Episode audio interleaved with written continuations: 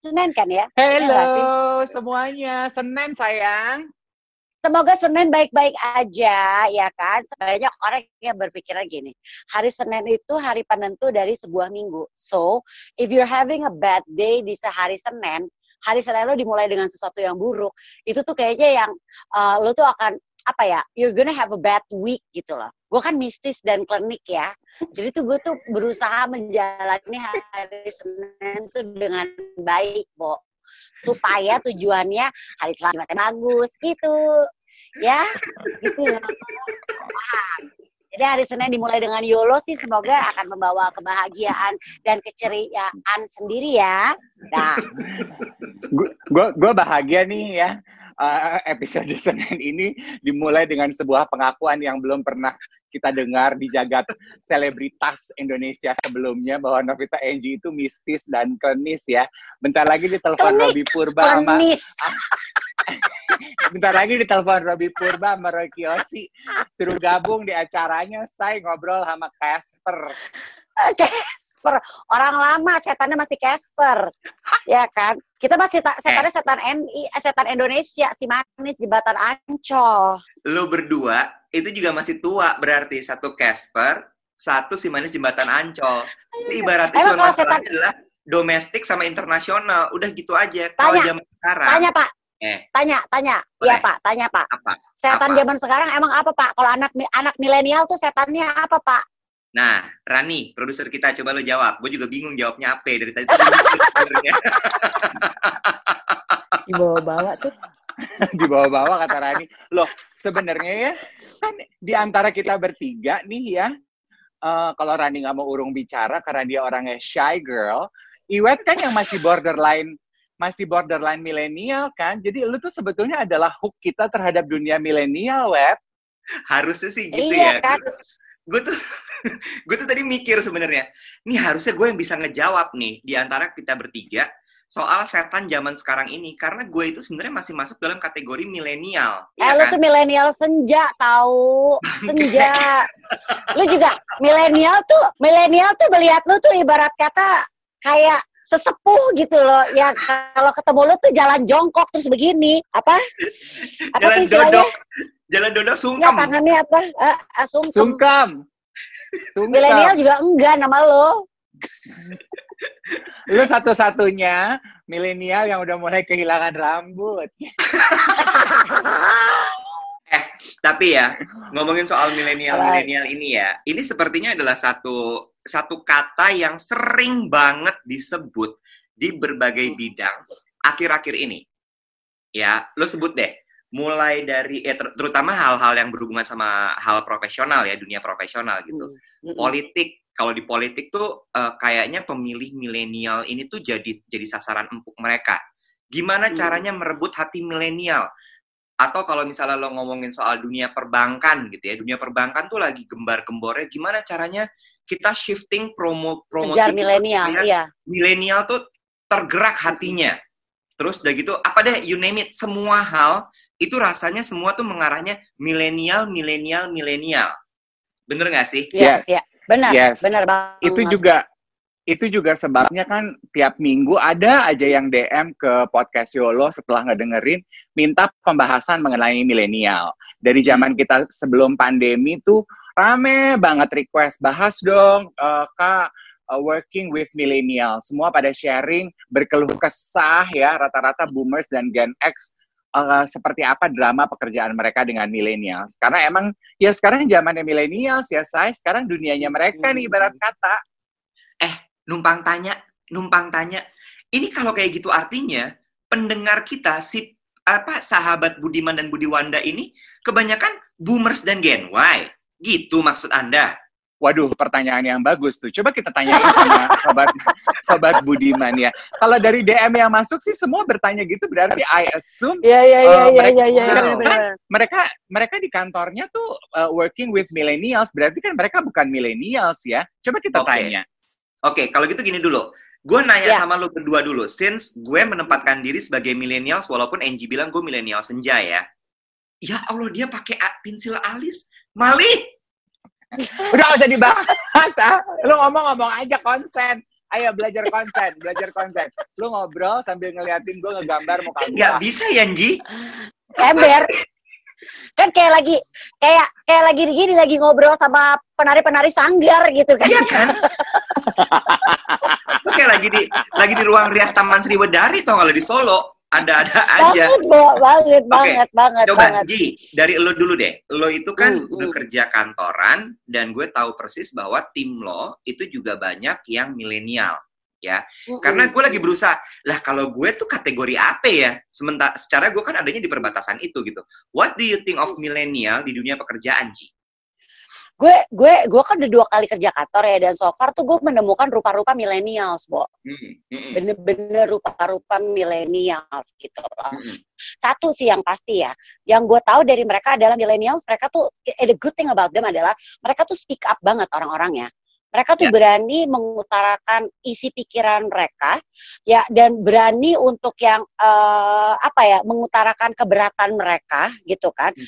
eh, apa ya mereka tuh punya standpoint yang mereka berani tunjukkan which is good loh sebenarnya karena gini gue sih melihat satu hal ya kita nih kan eh, generasi gue Dave atau mungkin juga banyak eh, sobat Yolo yang Budiman dan Budiwanda ini dibesarkan oleh orang tua yang di mana kita tuh dulu kita nggak boleh ngebantah orang tua.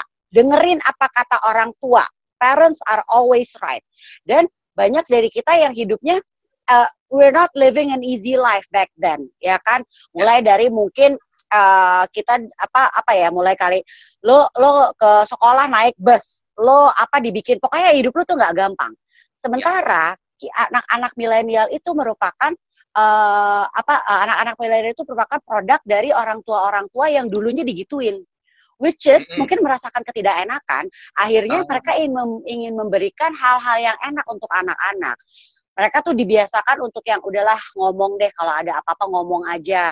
Kita terus orang tua tuh bener-bener gini kita kerja untuk anak anak kita bikin enak deh mobil cuma satu nggak apa-apa gue gue uh, ngegrab atau gokar atau naik naik MRT atau naik Transjakarta anak gue aja yang naik mobil. Ya kan? Banyak yang kayak gitu. Kalau dulu kan kagak anak-anak naik bus orang tua yang naik mobil bener nggak? Jadi kan they're, they're living an easy life sebenarnya akhirnya membuat mereka jadi akhirnya terbiasa segala satu juga apa ya ya gue gampang aja ngomong gitu loh gue utarin aja apa yang gue pikirkan gitu lah ya kan Yes. Ya. Jadi sebetulnya milenial ini adalah produk uh, generasi X atau boomers ketika kita itu new age parenting, menerapkan new age parenting. We want to make uh, the next generation better than us. Ya, inilah produk dari new age parenting kita, gitu kan? Iya. Sebenarnya Iya. milenial tuh masih in between gitu dalam artian milenial tuh kan masih kayak adaptasi orang tua orang tua yang lama nih orang tua yang boomers berarti ya orang tua yang boomers ya kan ini lagi berusaha untuk adjust nah anaknya tuh anak-anak milenial nanti yang lebih gila adalah di saat kita harus berhadapan sama Gen Z sama Gen Alpha yang benar-benar mereka tuh terbiasa dari kecil untuk speak up their mind gitu loh. Wah, itu sih selamat ya. Itu akan dialami oleh the millennials millennials tuh akan berhadapan sama Gen Z sama Gen Alpha loh. Itu lebih Iya. gila Yes. lagi loh mereka. Iya. Nah, Iya, uh, iya. gue tuh sempat Google-Google gitu ya, karena gue penasaran sekali sebetulnya seperti apa sih work ethic uh, millennials ini dan pembicaraan mengenai working with millennials tuh rame banget ya. Dan rupanya nature bekerjanya millennials sama Gen Z seperti yang tadi Angie bilang itu beda loh. Gen Z itu uh, dibahas mereka itu lebih uh, justru lebih less kolaboratif ya, Ya, mereka itu benar. lebih entrepreneur dan very individualistic daripada milenial. Yes. Jadi traits milenial kalau kita mau membuka obrolan kita nih ya, eh, gue tuh ingin memuji bahwa sebetulnya kan selama ini orang bilangnya millennials itu egois, millennials itu nggak enak diajak bekerja bareng, eh, selfish. Sebetulnya tuh nggak gitu loh. Banyak yang bilang on the other side, kalau kita berhasil memahami mereka, millennials itu are actually a generation of workaholic, tough, Yes. patient, and selfless. Oke, Gue sih lebih gini, ya. kalau kalau soal tough enggak juga sih, karena gue pernah menghadapi juga di mana gue berhadapan sama uh, tim yang milenial. Mereka tuh nggak segitu toughnya juga sebenarnya. Tapi yang gue appreciate dari the millennials adalah mereka tuh open minded banget, willingly menerima segala apa masukan-masukan dari luar dan dan apa ya mengolah semuanya itu dengan baik gitu loh kan kalau generasi sebelum-sebelumnya itu kalau ada masukan dari luar adanya gelombang baru atau something yang new dari luar itu tuh menerimanya tuh di adjustnya lama banget kayak sapi memamah biak dikunyah dikeluarin dulu baru dimasukin lagi gitu kan Iya enggak, Bo? Nah, kalau di milenial, mereka aja apa? Sapi-sapi, lo diam dulu bentar ya. Lo kan gue mama gak di biak dulu, ya. Gue gak di stapos ya kan ya. coba lo mama biak dengan baik topik ini. Kita break dulu sebentar, abis ini gue balik lagi. Ini ada beberapa cerita, beberapa data dan beberapa artikel yang menarik untuk di-share soal millennials ini. Abis ini ya.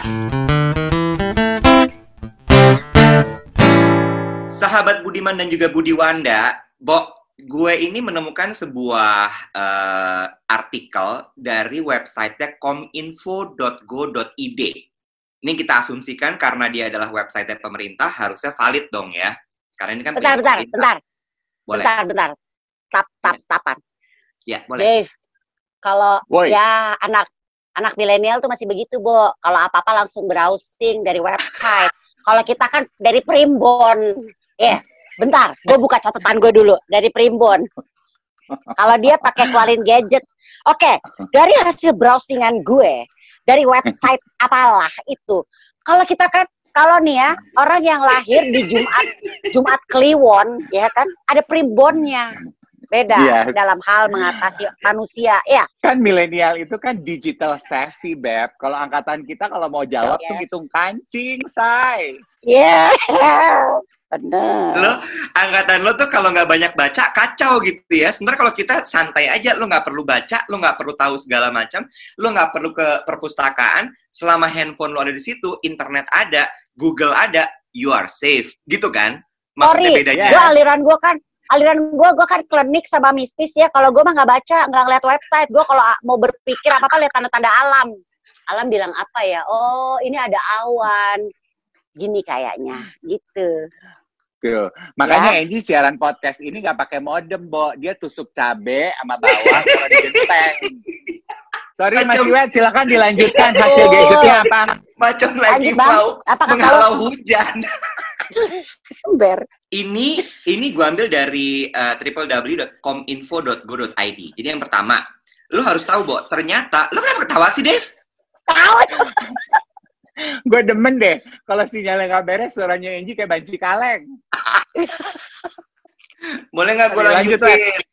lanjut Jadi ternyata istilah milenial milenial ini diciptakan oleh dua pakar sejarah dan penulis Amerika namanya William Strauss dan Neil Howe dalam beberapa bukunya.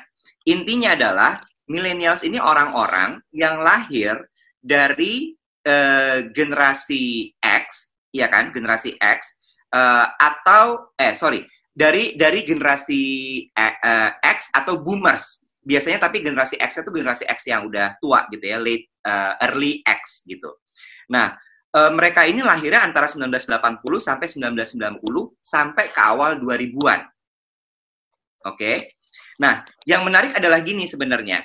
Tadi kan Angie udah sempat bilang gitu bahwa mereka ini dilahirkan dari orang tua boomers atau orang tua early generasi X karena milenialnya generasi Y. Hidup mereka tuh kan boomers itu kita asumsikan susah. Mereka masih ada yang ngalamin perang. Lalu kemudian kalau generasi Y, Y itu karena mereka di, di, di eh, apa namanya dibesarkan oleh generasi X yang hidupnya sulit, mereka nggak mau lagi nih anak-anaknya untuk sulit sehingga akhirnya semua di provide. Paling tidak semua kebutuhan itu berusaha banget orang tuanya bekerja keras untuk mereka di provide sehingga apa-apa tuh udah jadi, udah ada. Ini yang kemudian terjadi di kantor, Bo. Karena gue merasakan sendiri gitu. Karena kalau gue kan perbatasan nih antara si generasi X sama generasi Y. Karena kan gue 81 lahirnya. gue masih mencoba untuk mencari segala sesuatu tuh dari artikel, kemudian dari uh, apa referensi buku, majalah, apa segala macam. Jadi gue berusaha untuk cari. Tapi sementara kalau milenial ini karena emang dari lahir udah di provide semuanya, mereka itu selalu nanya, kasih tahu gue dengan detail, gue harus mengerjakan apa. Tahu nggak lo alasannya apa? Hmm, apa? Supaya gue nggak buang-buang waktu. Gue paling nggak suka tuh mesti bolak-balik uh, revisi. Milenial tuh tidak suka kata revisi. Karena In buat a way mereka ada benernya kan waktu. sebenarnya. Kenapa, Ji? In a way ada benernya kan, which is lu nggak jadinya nggak buang-buang waktu. Iya, tapi kalau kita tuh terbiasa, lu inget deh, zaman ngerjain skripsi, Bo, sampai bludrek kita ngejar-ngejar dosen pembimbing untuk revisi, dan lu untuk revisinya, lu dibalikin ke perpustakaan. Kenapa, Dave? Gue mau komentar. Eh, Ya. Itu mungkin yang yang dikomplainkan orang bahwa milenial itu tidak menghargai proses ya. Ya. Eh, sebetulnya Hmm. kalau dari banyak obrolan orang yang gue baca, eh, karena milenial itu sebetulnya web mereka Hmm. itu mencari eh, purpose-nya kalau ngapa-ngapain. Jadi kalau Ya. dalam kerangka pekerjaan, Hmm. sebelum lo memberikan tugas, you need Ya. to explain why. Iya. Kenapa lo pengen mereka melakukan itu? Jadi Ya. they are very purpose driven. Nggak Ya. kayak kita yang kayak tombol dipencet enter kebuka deh tuh nggak ngek gitu. Kalau mereka tuh Ya. enggak in order for them to operate well, you need to let them know alasan yang ada di balik perintah itu gitu nih. Ya. Makanya banyak yang semua pada bilang eh, kalau lo pengen millennials lo itu berkontribusi dengan baik di tempat pekerjaan lo, lo tuh Hmm. harus memberikan eh, gambaran yang jelas misi perusahaan lo apa. Karena mereka tuh sangat suka dengan itu nih. Ya. They they care so much about the mission. Jadi why is very important for millennials. Ini ini nyambung lagi sama tadi yang Angie bilang ya bahwa eh, gua gua sekarang saat ini bergabung sama kalian deh eh, sebagai generasi X gitu ya karena gue dibesarkan oleh orang tua Eh gue kita nggak mau. Eh nggak terima anggota baru. Maaf ya gabung-gabung sama anak komplek. bangke gue nggak punya temen dong di sini Kenapa kenapa kenapa? Ayo lanjut.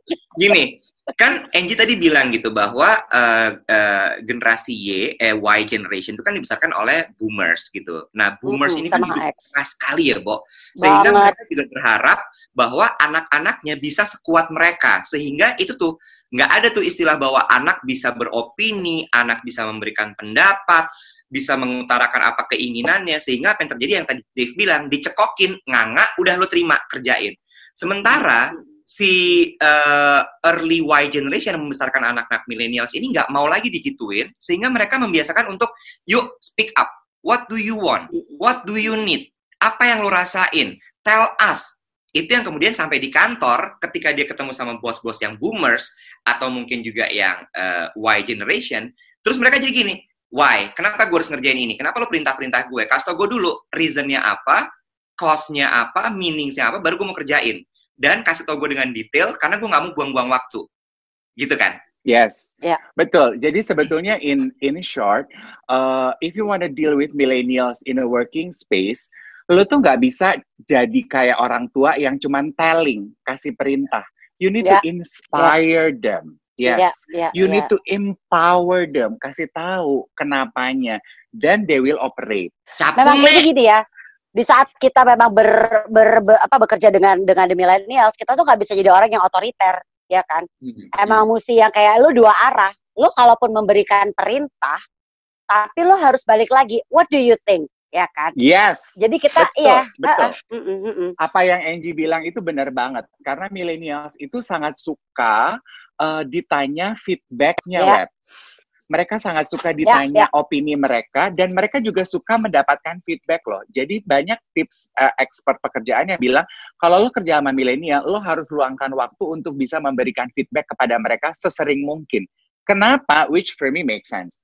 Mereka itu lahir di generasi eh, digital eh, digital native very technology savvy di teknologi web, lu tuh feedback diberikan langsung, misalnya ya, Iya, sosial media. iya, iya, Lu iya. post, lu post sekarang gambar lu, lu akan langsung dapat feedback. Banyak yang Likes. like, banyak yang komentar, yes. Jadi memang mereka tuh uh, they are built that way. Jadi di, di, di lingkup pekerjaan juga mereka pengennya begitu. Uh, begitu mereka melakukan sesuatu, mereka akan nanya, begini oke okay nggak? Kalau nggak, kasih tahu kenapa. Apa yang harus diperbaiki? Ya lo harus mau luangkan waktu untuk memberikan feedback sesering mungkin, kakak. Gue Satu jadi lagi, satu lagi. Apa lagi? Sorry, Ji? sorry, Wet. Satu Ya. lagi. Appreciation is very important for them. Hmm. Ya nggak? Oke. Ya kan? Berarti ya, how to handle millennials, pertama adalah feedback, lalu kemudian jelaskan dengan detail, aspire them, inspire them, terus kemudian juga jangan lupa untuk sering-sering berdiskusi sama mereka. Karena mereka tuh Memberikan kepingin dianggap apresiasi juga. dan apresiasi. Ya, itu penting sekali. Sama satu hal yang gue pikir jadi gini tau gak lo? Artinya, sebenarnya nih ya, kita kan selama ini berkutat dengan kenapa sih mereka, gimana sih mereka, mereka tuh kok gini sih, mereka tuh kok gitu sih. Lo tau nggak? Sebenarnya ya, menghandle millennials atau mungkin menghandle orang lain, itu harusnya dikembalikan lagi kepada diri kita sendiri loh. Karena gini menurut gue, menurut gue ya, dengan obrolan kita tadi, terus gue dengerin lo berdua, gue jadi mikir, harusnya ya kita bisa tahu loh, kita harus tahu, kita jadi tahu dan paham tentang mereka kenapa tindakannya seperti itu, karena kita itu yang mengalami si boomers dan X generation. Yes, sederhananya gini Dewet, waktu kita baru mulai bekerja, kita itu dididik sama angkatan yang di atas kita di kantor, cuman disuruh-suruh tapi kita nggak pernah dikasih tahu alasannya kenapa. They never explain the why to us. Kita suka apa enggak? Nggak suka. Ya generasi Sebenarnya itu nggak suka. bermutasi menjadi yes, generasi itu bermutasi menjadi milenial. Ya mereka tuh lebih kuat seperti kata Angie. Mereka tuh very opinion opinionated. Kalau mereka nggak tahu, kenapa mereka akan nanya? Nah, kalian harus lebih sabar, mentoring, cenah. Cenah. Benar tuh, benar. Makasih ya Cepopon buat informasinya. Cepopon sama Ceida sama Celinda balik lagi habis ini jangan ke mana-mana ya Sobat Yolo yang Budiman dan Budi Wanda. Lu terserah mau yang mana. Gue kayaknya Celinda ya. Iwa Ceida. Enggak, Iwet gini, Iwet cemimi karena dia kan milenial. Gue cebumbum. Gue cebumbum karena kan gue boomers. Lu CEX, X generation. Cemimi, nanti abis ini kita lanjut ya Cemimi.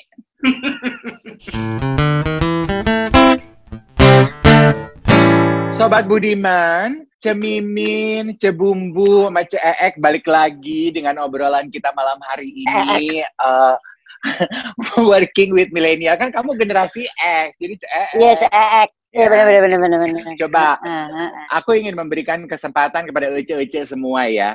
Banyak yang bilang juga bahwa sebetulnya generasi milenial itu adalah generasi yang very uh, result oriented. Jadi mereka itu uh, tidak terlalu mempedulikan prosesnya, yang penting resultnya aja. Makanya ada yang bilang uh, kerja di rumah itu nggak apa-apa, yang penting resultnya gue submit. Kerja dengan jam yang fleksibel mereka lebih seneng, yang penting resultnya ya. aja. Ya kan? Dress code di kantor tuh nggak penting. Yang penting adalah kinerja Yes. gue kan, bukan tampilan gue. Coba gimana? Tapi gue sebenarnya gini, awalnya mungkin siok-siok ya, tapi sebenarnya I kinda agree loh. Eh, Ujung-ujungnya kan hasil sebenarnya. Ya kan? Hmm. Kalau lo mau gimana prosesnya, mereka kan yang belajar sendiri, mereka yang menjalani sendiri proses yang enak buat mereka untuk mendapatkan result tersebut gitu loh. Hmm. Which is nggak apa-apa, bener sih. Ngapain kita kadang-kadang terlalu banyak protokolernya istilahnya untuk untuk mengikuti just gini, kita mengikuti protokoler just to please. Misalnya to please somebody, tapi sebenarnya hasil hasil hasil akhirnya juga hasil akhir yang sebenarnya gitu to be honest just to please you. Bisa jadi it's not your best gitu lah. Hmm. Ya nggak sih bukan dari apa yang terbaik gitu kan. Kalau gue ya, menurut gue gini, em, gue gue mencoba untuk bicara dari sudut pandang eh eh, justru si generasi X sama boomersnya nih. Kayaknya emang yang paling penting untuk kita lakukan ya terkait dengan yang tadi Dave bilang gitu bahwa result oriented makanya kemudian jam kerja nggak terlalu penting, terus kemudian dress code di kantor nggak terlalu penting, yang penting gue submit hasilnya, terus kemudian eh, resultnya toh juga sesuai dengan yang lo inginkan gitu. Kayaknya kita sebagai X gen- generation X atau boomers ini emang harus agak sedikit fleksibel menghadapi mereka. Karena mereka Ya. tuh fleksibelnya kacau, Bo. Mereka tuh lenturnya luar biasa, sementara kita, karena gue masih dididik sama boomers kan ya, kita tuh memang bener kaku, rules by rules, dan semuanya strict. Lo inget gak sih, zaman dulu tuh sekolah yang bagus adalah sekolah, eh, ini bukan bukan bukan agama ya, sekolah Katolik gitu. Sekolah yang disiplin tinggi. Iya nggak sih? Itu tuh sekolah yang bagus seragam semuanya semuanya teratur. Kalau lo misalnya sampai nggak eh, lo telat masuk lo dijemur yang kayak gitu-gitu. Itu berlaku buat kita tapi buat mereka digituin kayak why? Iya nggak sih? Jadi artinya memang udah nggak bisa tuh kita berarti ngomong zaman gue dulu itu didikan bapak ibu kita. Pada akhirnya Yes. memang we have to embracing Tunggu, tunggu. bahwa mereka oh, ini nggak dulu ya eh C- siapa tadi namanya ini dia dia C siapa Eh, C siapa dia Cek, cek, Nggak Gini, setuju, gini, Cek. gini. Kenapa, Cek?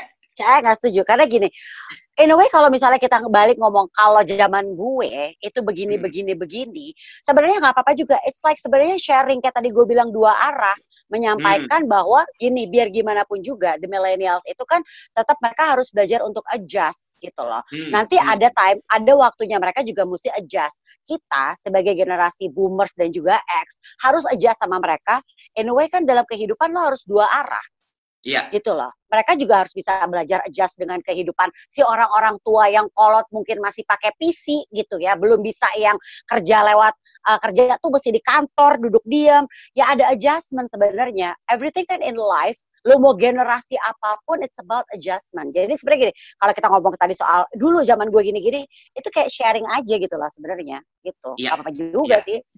Kenapa? Coba. Aku mau komentar. Eh, Cebut. eh, gue setuju, Cibumbun. Gue setuju apa yang dikatakan oleh Ceek ya. Eh, bahwa Gue adjustment bingung itu gue sampai cek sampai cap. Oke. Cek. adjustment itu lu milenial cemimin gimana sih? Katanya milenial fast learner. Lu lamban banget sih. Uh, adjustment itu harus dilakukan dua arah kita adjusting dengan pola milenial dan milenial juga harus belajar untuk adjusting dengan generasi di atas mereka yaitu kita Hmm. cuman aku tuh positifnya mengenai milenial tuh gini ya milenial tuh menurut aku they are very fast learner generation mereka itu Banget, menyerap banget. like a sponge gitu. Jadi buat aku pasti mereka akan lebih cepat beradaptasi dengan kita yang generasi di atas mereka kalau Iya. mereka diberikan kesempatan. Cuman kita harus ingat cara mereka beradaptasi itu jauh lebih cepat dari kita. Jadi kitanya jangan keleletan, say. Kalau aku sih cuma mau Nah. I just wa- yes, I want to point out this ya. Generasi apa pun menurut aku, terutama pembahasan kita mengenai mengenai milenial, kita nih sebagai generasi yang di atasnya dia, kita tuh harus mau berubah web. Kita Hmm. tuh harus ma- harus menyadari bahwa sekarang ini adalah waktunya mereka. Kita tuh Hmm. udah ngalamin loh waktunya kita. Nah, waktu kita ngalamin waktunya kita, caranya A. Waktu sekarang generasi milenial, cara A itu udah nggak bisa dipakai. Ya kita harus mau merubah diri supaya kita memberikan kesempatan kepada mereka untuk mendapatkan panggung. Cara yang terbaik adalah kita menjadi mentor yang baik. Kita tuh jangan kayak orang tua yang nggak mau ketinggalan dan hidup di masa lalu gitu loh. Dan by the way, mereka tuh nggak suka loh, Nek, ternyata dipanggil milenial Oh, mereka Kayak dalam ranah pekerjaan. Oh ya? labeling karena karena millennials itu me- Hmm. sangat mengutamakan kesetaraan. Mereka nggak suka di labeling. Apa mereka di kita panggil Milen aja ya? Pakai Fernandes tapi.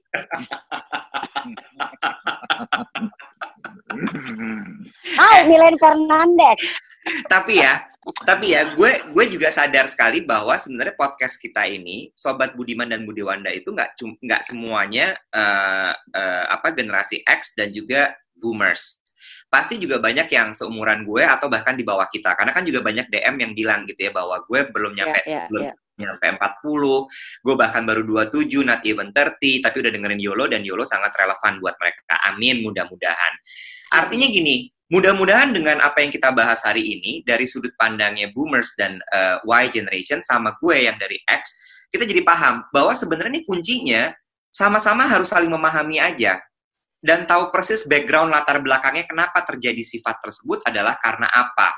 Nah, dari situ setelah kita paham, akhirnya kita jadi tahu harus bersikap seperti apa kira-kira baik itu di dunia uh, kantor atau pekerjaan maupun di kehidupan sehari-hari. Uh, itu itu itu betul banget ya Iwet ya. Kalau gue sih dari pengalaman gue bekerja dengan millennials, uh, gue tuh menikmati sekali loh karena menurut gue they are a generation of a very passionate people. Hmm. Mereka itu uh, selama mereka tahu the big why they do what they do, mereka tuh very passionate in what they do. Dan yang gue suka dari generasi milenial adalah mereka tuh generasi yang sangat fleksibel, mereka tuh sangat adaptif banget terhadap perubahan gitu ya. Seperti yang tadi kita bilang, mereka adalah generasi yang teknologi savvy. Di, ketika kita menggunakan teknologi kan mereka tuh sangat adaptif ya. Kalau ini salah, mereka langsung coba cara lain. Ini nggak berhasil, mereka coba cara lain. Jadi adaptif banget. Dan yang aku suka, they are very diverse. Kalau kita hmm. nih angkatan kita dulu, lah kita sekolah aja disuruh pakai seragam, say. Kita memang dibiasakan diri untuk tidak menonjol kalau semua harus bentuknya sama. Kalau milenials kan dari kecil memang dibibit, dibina-bina untuk, hey, people are different, you are born different, everybody has different talent. Jadi millennials tuh menurut aku a very diverse generation. Seneng aja gitu ngelihat generasi yang, oh my god, akhirnya nih kita tuh belajar menghargai bineka tunggal ika. Iya, iya.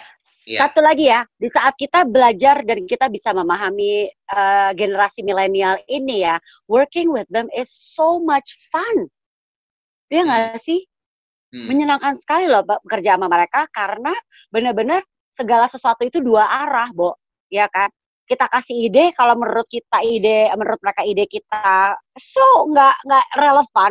Mereka ngomong dan which is bisa di adjust gitu kadang-kadang kan biar gimana pun juga banyak leader yang emang rata-rata udah di, itu di generasi boomers dan juga X mereka kan ngerasa bahwa mereka merasa bahwa eh gue maunya gini harus begini. Tapi kan kita juga nggak tahu di bawah-bawahnya tuh sebenarnya kehidupannya tuh kayak apa ya nggak sih?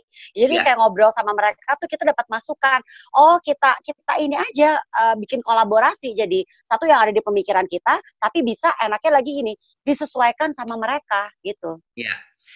tips aja ya mungkin bukan tips tapi uh berbagi aja berbagi aja gue tuh sebenarnya tipe yang agak diktator sebenarnya I love everything my way gitu. Itu itu sebenarnya nggak bagus. I admit it, it's not good at all. Tapi hmm, kalau berhubungan sama milenial gitu ya, itu sangat baik bener yang Angie bilang tadi. Tahu karena kita tuh juga nggak nggak segitunya loh bisa tahu semua hal, even segala sesuatu yang baru-baru. Bener nggak sih, Ji? Kita tuh sampai banget nggak nggak gitu. Anjir nih apalagi nih apalagi nih apalagi. Buat mereka merasa penting dengan bertanya. Ya. Eh, trennya tuh sekarang lagi apa sih? What do you guys like? Yang lagi diomongin tuh apa sih? At least gini, andai kata lo udah tahu gitu ya, tapi gue yakin banget lo taunya cuma sedikit. Tapi ketika bertanya sama mereka, lo bisa tahu lebih banyak dan lebih dalam. Tinggal abis itu kombinasiin sama strategi yang lo punya. Abis itu tanya lagi, balik lagi. Do you think this will work? Apakah ini akan berhasil kalau kita jalanin dengan tadi yang lo ceritain? Dan ketika itu dilakukan, mereka ngerasa di-appreciate, mereka ngerasa happy banget, dan ketika mereka ngerjain tugas yang kita kasih, they will do it thousand percent. Walaupun kadang-kadang suka pakai ngeluh juga, ya ini banyak banget kerjaannya. Tapi dengerin aja, habis itu tetap dikerjain sama mereka. Gue mau komentar, sebetulnya uh, Iwat itu bukan diktator. Ya, Tapi, jadi kalau dibilang lo tuh mental diktator, enggak. Lo tuh mental diva. I know what I want the way I want and I want it now. Dia tuh kan masih menganut falsafah kos kaki my way ya, Bo ya. My way. Bah, beda ya? Diva ya kalau itu ya. Coba coba gue jadi gue jadi penasaran itu justru diva ya kalau kayak gitu.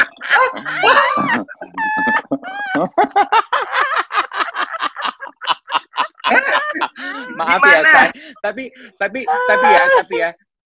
Jokes aside, jokes aside ya. Uh, terlepas dari millennials atau bukan, kan tadi kata kuncinya adalah uh, appreciated. They are a generation who loves to be appreciated. Bo, siapa sih sebetulnya generasi Iya. mana pun, manusia Iya. mana pun yang nggak suka di Iya. di-appreciate itu siapa? Cuman Betul. bedanya kita zaman dulu, anak zaman dulu, ketika kita tidak dihargai, kita nggak berani komplain, Beb. Betul. Kalau milenial tidak dihargai, mereka nggak malu untuk menunjukkannya, say. Iya, Tuh, iya, balik iya. lagi bahwa sebenarnya manusia pada dasarnya sama ya mau dia boomers mau dia Y generation mau dia X generation we all the same cuma bedanya adalah the way we we express ourselves itu yang lebih lebih progresif sekarang gitu kak Yes, betul. They are not afraid to voice their opinion. Eh, eh. Cuma balik lagi ya, seperti yang tadi gue bilang di awal ya. Ini kan generasi milenial nih eh, menurut buat generasi boomer dan generasi X itu tuh udah membuat orang tuh tersiok-siok gitu kan ya. Lo nggak bayang gak sih anak-anak yang di bawahnya lagi nih, itu tuh akan lebih sadis ya, kayak tadi gue bilang. Orang di rumah anak-anak kita aja yang masih umur belasan tahun udah berani speak up. Lo nggak bayang gak nanti di kehidupannya nyatanya mereka akan seperti apa? Ya Iya. Iya. Berani Kita bilang tahun depan tidak, lah. enggak. kita bahas Ya, Z generation tahun- tahun depan Bo Iya, Eh, tahun depan berarti kita tuh udah harus Salah mulai gitu. membahas gini working with G eh G Z generation ya. Karena sekarang aja sebetulnya Z generation udah mulai masuk ke dunia pekerjaan kan dan mereka tuh nature-nya beda lagi loh, say, ya kan? Umur berapa Setelah sih generasi Z? 2001 tuh lahir 2001 udah udah eh, Z Nih gue. Oh. udah masuk awal kuliah akhir mereka udah Oh iya bener juga ya. Ya. Oh iya bener. Iya. Jadi generasi Z itu udah mulai masuk dalam dunia pekerjaan sebetulnya. Aku Hmm. nggak tahu ya kalau pendengar podcast Yolo kayaknya generasi Z itu masih kejauhan ya. Ya. Eh, Mm-mm. Abis ini kita akan bahas, ini akan menjadi bagian kita yang terakhir. Uh, kita akan membahas benarkah banyak orang bilang bahwa generasi milenial is a very good team player. That is also interesting to discuss. Stay with us.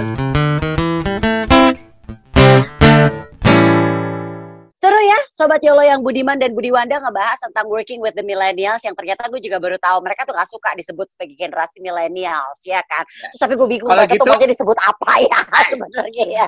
Apa? Mau nggak kita janjian ya? Berarti itu kan menjadi kata kunci, kode kunci kita. Karena mereka kan nggak mau dibilang milenial sih. Jadi, aduh hari ini gue akan meeting. Meeting sama siapa, Bo? Meeting sama Cemimin. Oh, berarti lalu meeting sama anak Oh muda. Say. Meeting sama Cemimin, yuk, Min. Boleh, boleh, boleh, boleh. Bener, bener, bisa juga, bisa gini, eh gue hari ini mau meeting nih sama siapa? Itu sama adiknya Nino Fernandes. Milen Min. Padahal bukan Tapi milenial. kita wrap up ya. Ya. Kita wrap Ya, up. ya, ya, Dave, ayo Dave. bahwa, eh, bahwa balik lagi kalau dari gue sih eh, apa pun generasinya manusia tetap sama cuma cara mereka mengekspresikan dirinya yang berbeda sehingga mungkin buat yang eh, untuk yang generasi X atau generasi Y suka siok asiok siok gitu ya ketika melihat si generasi X ini eh generasi milenial ini begitu opinionated mereka sangat vokal mereka sangat terbuka dan sangat mengutarakan dengan sangat gamblang apa pun yang mereka rasakan sehingga balik lagi ya udah tetap aja dijalanin tinggal gimana kita yang lebih fleksibel dan bisa menerima itu gitu Iya, Kami. yes. Aku tuh cuman mau meng-highlight ya menurut aku it is time for us older generation to be a good mentor for them. Stop Yeah. telling, start inspiring. ya Yes, I agree. Dan dan satu lagi, Bo, adjustment itu dibutuhkan untuk setiap generasi, ya nggak sih? Eh, nggak mau lo mau lo generasi apa pun, ya you have to adjust. ya Ya kan? Yes, betul. Belajar untuk tahu dan sedikit ikut arus. Bo, Darwin aja udah bilang dari awal orang-orang yang survive atau makhluk-makhluk survive adalah makhluk-makhluk yang adjust dengan Hmm. kondisi alam dan lingkungannya Yes. Jadi kalau Pokoknya ingat kalau lu kata kuncinya adalah sebuah jas, sebuah jas, adjust. gila ya, Bo ya. Malu ya, Bo ya. Gimana tuh? Cemimin udah capek-capek ya, inspirasi, pendidikan ya. kita harus adjust sebuah adjust gimana generasi.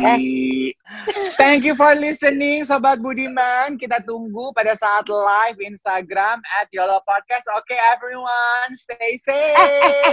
Eh, tunggu, tunggu, tunggu, tunggu, tunggu. Wait, wait. Lu nanti pas Yolo Podcast undang dong teman-teman lu milenial tuh. Andra Alodita, Ayla Dimitri. Lah kan kalau gue sama Dave mainnya sama Titi Puspa sama Titi Kadarsi.